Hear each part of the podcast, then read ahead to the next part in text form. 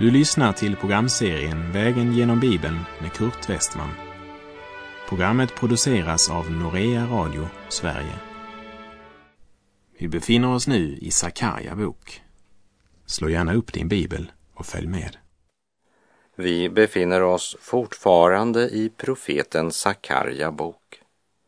Och det är min bön att den här boken ska få lika stor betydelse för dig som vad den fått för mig.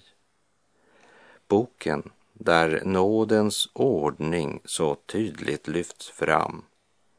Först djup ånger över synden och därefter erfarenheten av källan som renar oss från all synd och orättfärdighet. Steg för steg har vi följt Sakarja profetia om hur Gud genomför sin plan för att till sist bringa frid på vår jord.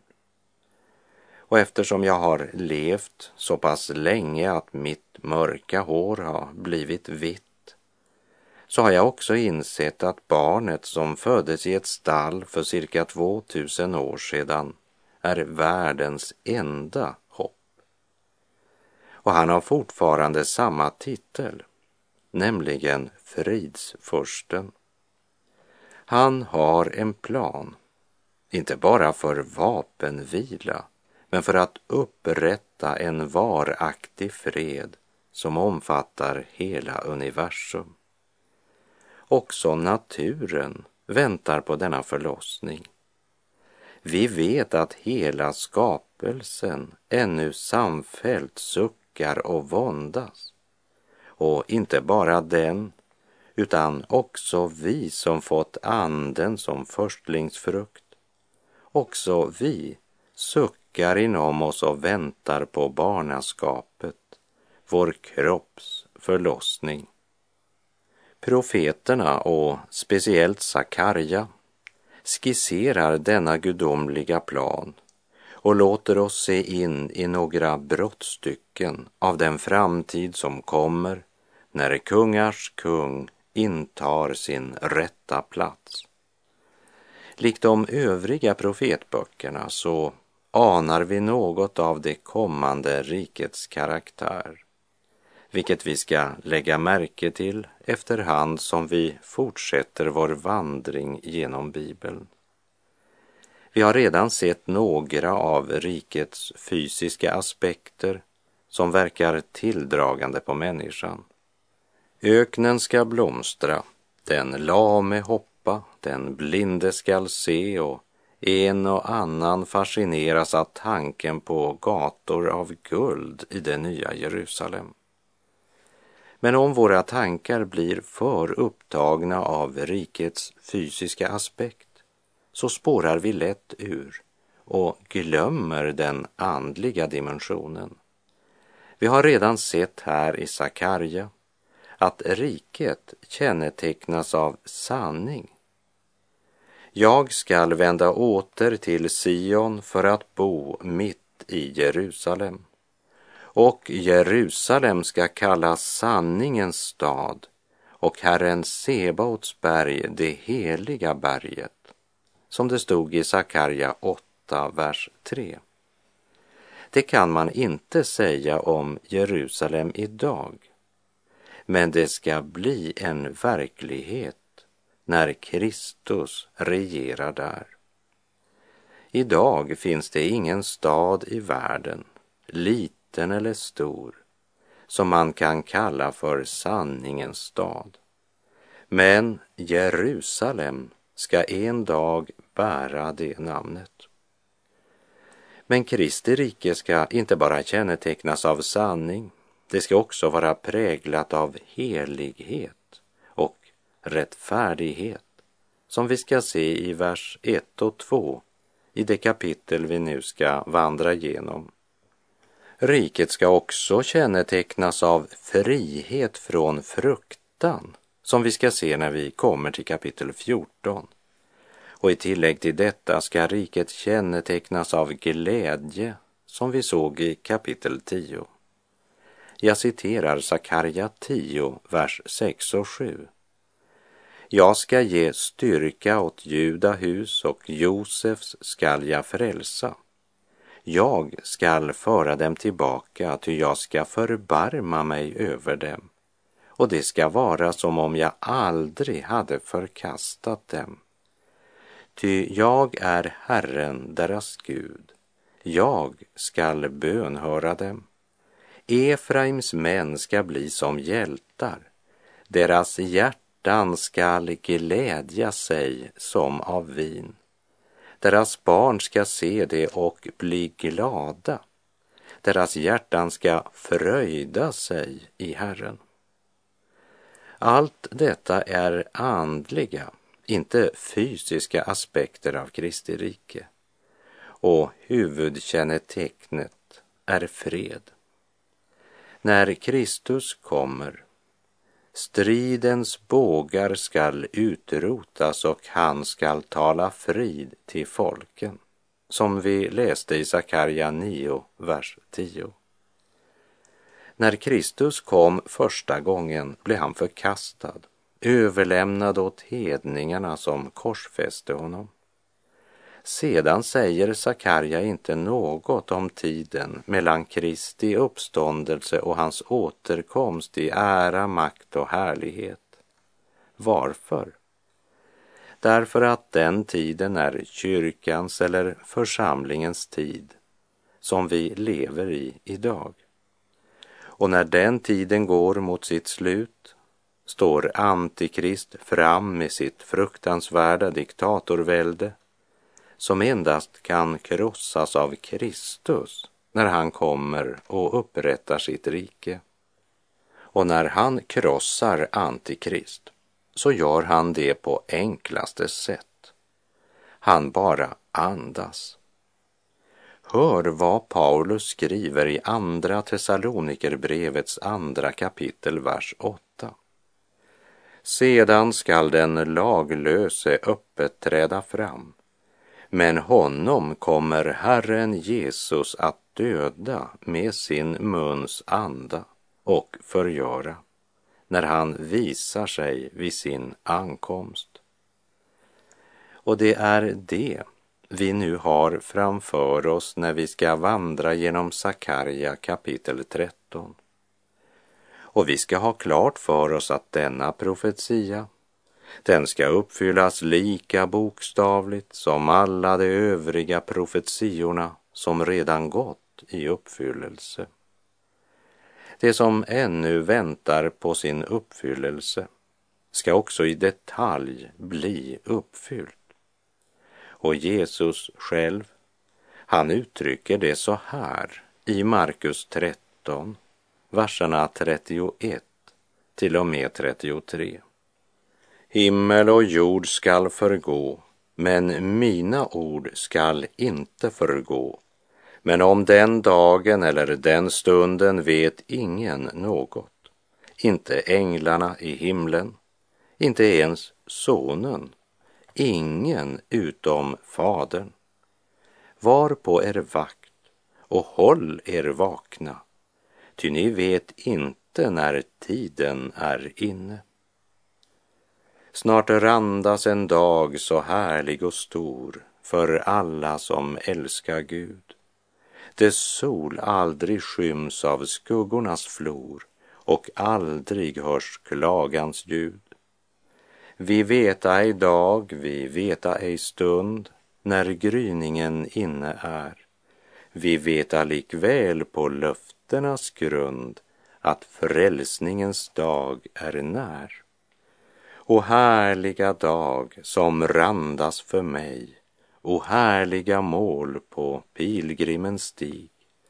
Min längtan, min blick, allt mer till dig drag, du härliga Jesu Kristi dag.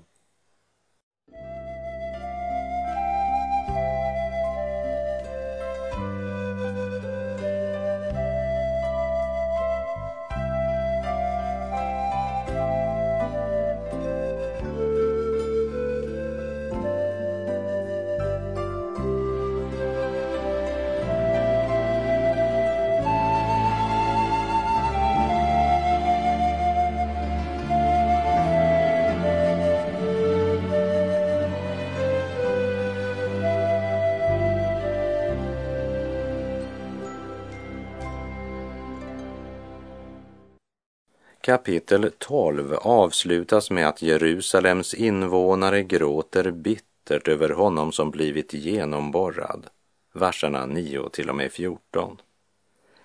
Det blir en förunderlig dag när nådens och bönens ande är utgjuten över Jerusalem och Israel och man ser Jesus som Messias. Sakarja 13, vers 1. På den dagen skall Davids hus och Jerusalems invånare ha en öppen källa till rening från synd och orenhet. Här handlar det alltså inte om när Kristus kom till vår jord för att sona våra synder genom att vandra förnedrad, hånad och förkastad för att dö på korset.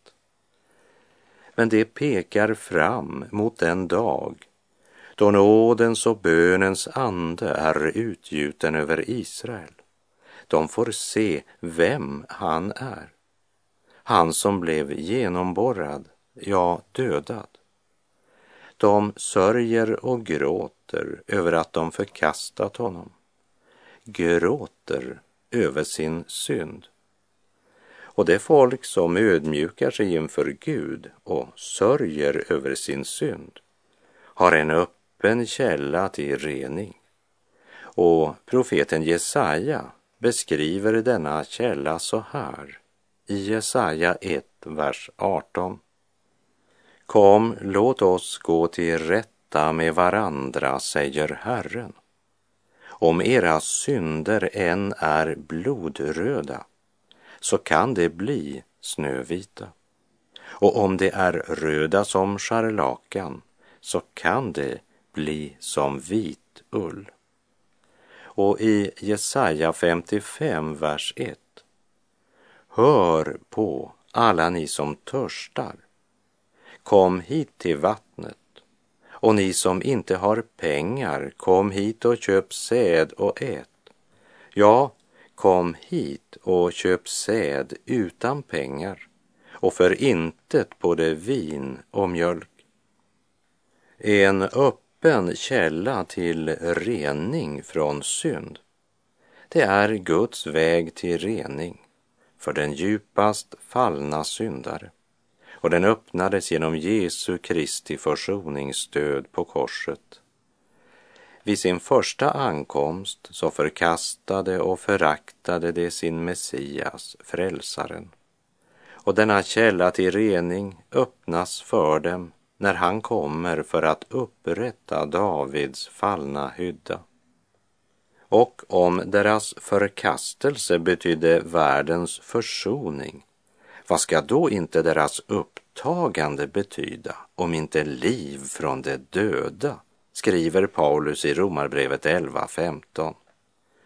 Men över Davids hus och över Jerusalems invånare ska jag utgjuta en nådens och bönens ande så att de ser upp till mig som de har genomborrat.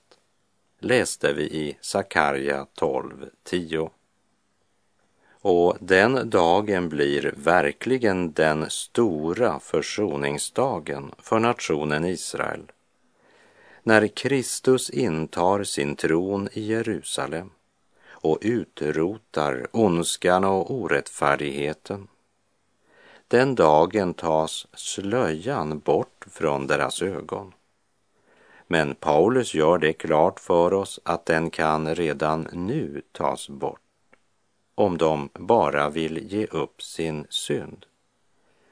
Människans problem är inte huvudet, men hjärtat.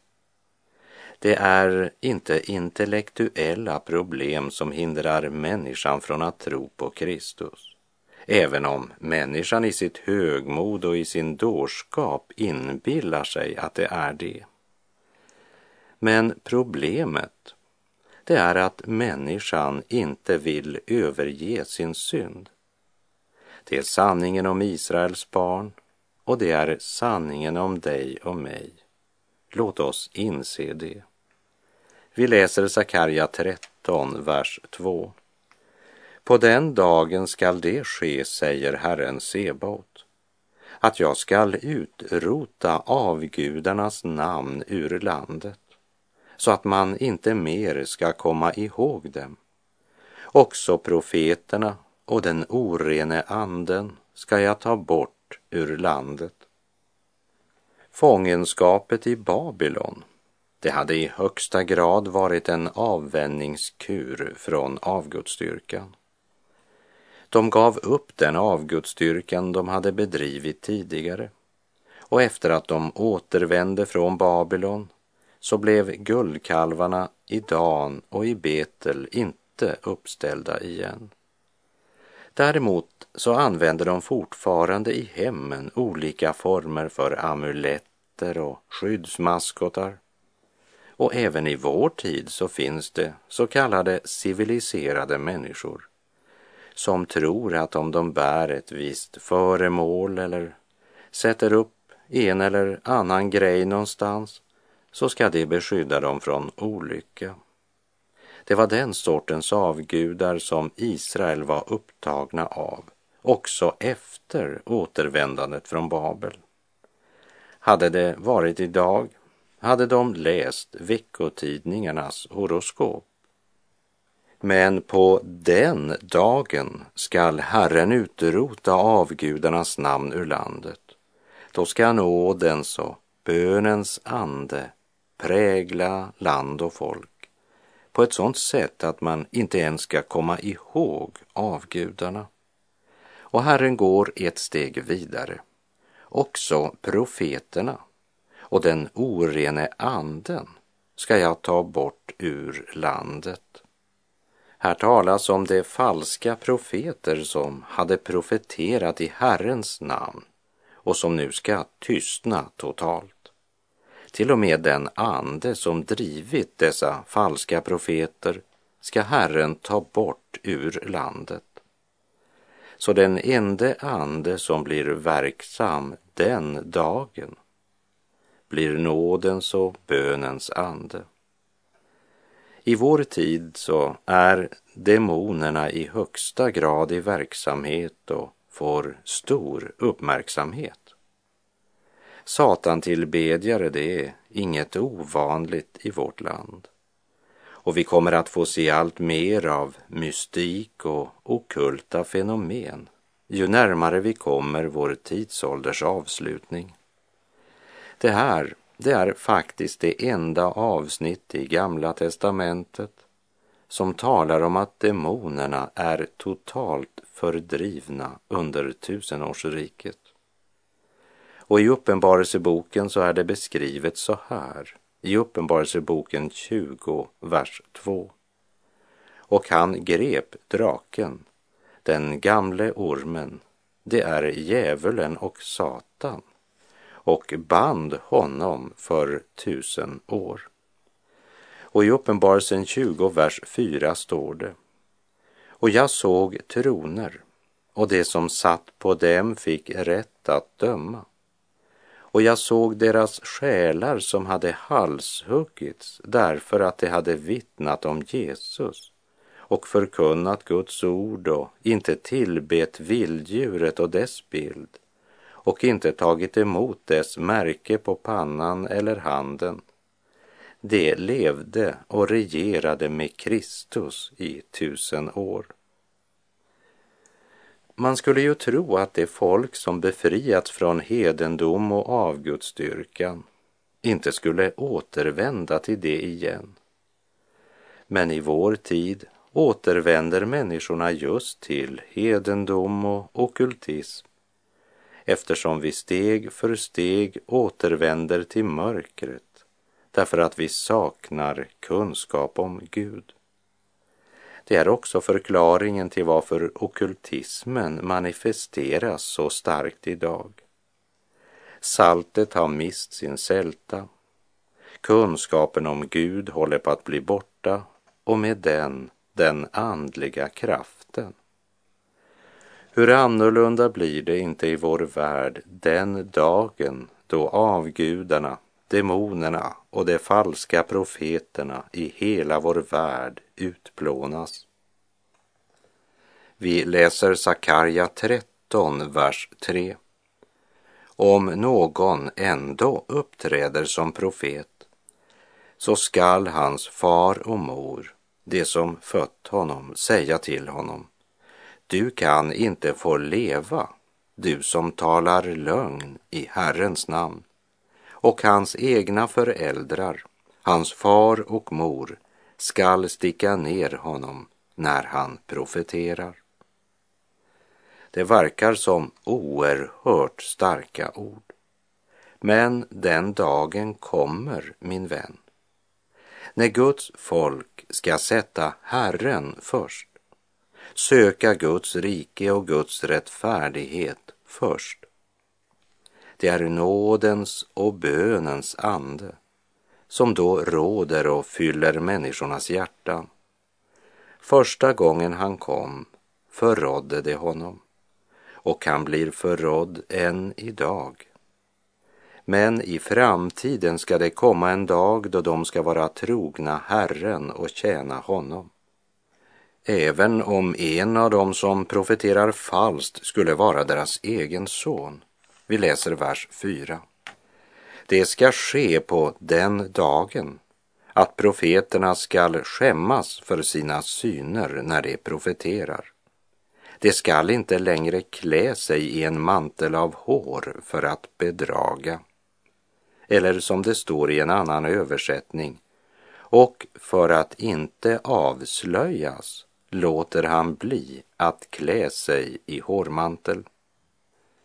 Den dagen då Herren Jesus själv i fullkomlighet praktiserar gåvan att pröva andar så blir alla falska profeter avslöjade. Klädnaden som kännetecknade profeten, det var en skinnklädnad eller hårmantel. Antingen av fårskinn, getskinn eller kamelhår. Det var den ämbetsdräkt som kännetecknade profeten. Om Johannes döparen berättar Bibeln följande i Matteus 3, vers 4. Johannes bar kläder av kamelhår och hade ett läderbälte om livet. Även Elia bar en liknande mantel som han sedan lade på Elisa som en kallelse att överta profetämbetet efter Elia. Även de falska profeterna bar ju en sådan för att genom sin dräkt se ut som en profet. Och när vi vet det så ger det en djupare dimension av Jesu varning i Matteus 7.15 där han säger Akta er för de falska profeterna som kommer till er klädda som får, men i sitt inre är rovlystna vargar. Det vill säga, de har nog den yttre ämbetsdräkten, men de är varken kallade eller sända av Gud. De är inte vad de ger sig ut för att vara. Men det kommer alltså en dag då ingen längre kan bära profetens dräkt om han inte är kallad av Gud. Och för att slippa skammen att avslöjas som falsk profet så går man inte längre omkring i en mantel av hår. Sakarja säger det ska inte längre klä sig i en mantel av hår för att bedraga.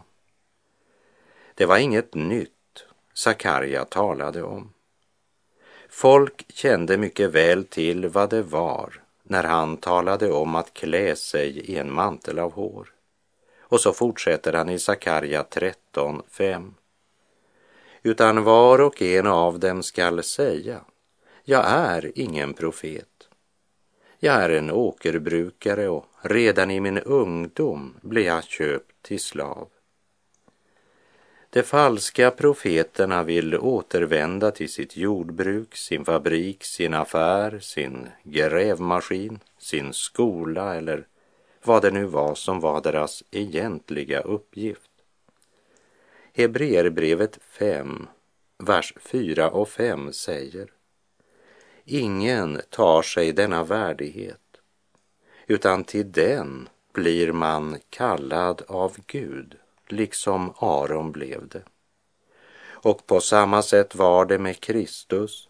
Han tog sig inte värdigheten som överste präst utan fick den av honom som sade Du är min son, jag har idag fött dig. Varken tjänsten som överste präst eller profettjänsten är något som någon människa hittat på.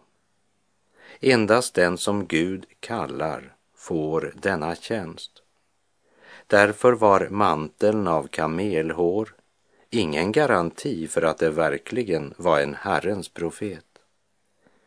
Men intill den dagen kommer då nådens och bönens ande är utgjuten över hela nationen Israel så kommer det att vara många falska profeter i verksamhet och den ena mera kaxig och högröstad än den andra.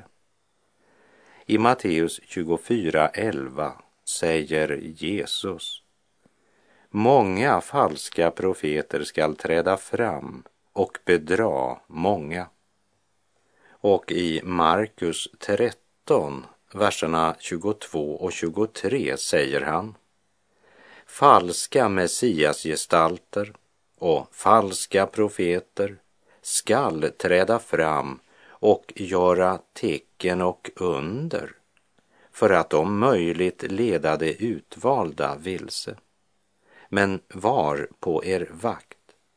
Jag har sagt er allt i förväg. Och Petrus, han skriver så här i sitt andra brev kapitel 2, vers 1. Men det fanns också falska profeter bland folket, liksom det ibland er kommer att finnas falska lärare som smyger in förödande läror. Men det ska komma en dag, säger profeten Sakarja, och det skall ske på den dagen att profeterna skall skämmas för sina syner när de profeterar. De ska inte längre klä sig i en mantel av hår för att bedraga, utan var och en av dem ska säga, jag är ingen profet, jag är en åkerbrukare och redan i min ungdom blev jag köpt till slav. Ja, kära vän, den dagen skall komma och den närmar sig med hast. Var på din vakt. Låt dig inte bedras av falska profeter. Och med det så är vår tid ute för den här gången. Sök Herren medan han låter sig finnas. Åkalla honom medan han är nära. Herren vare med dig. Må hans välsignelse vila över dig. Gud är god.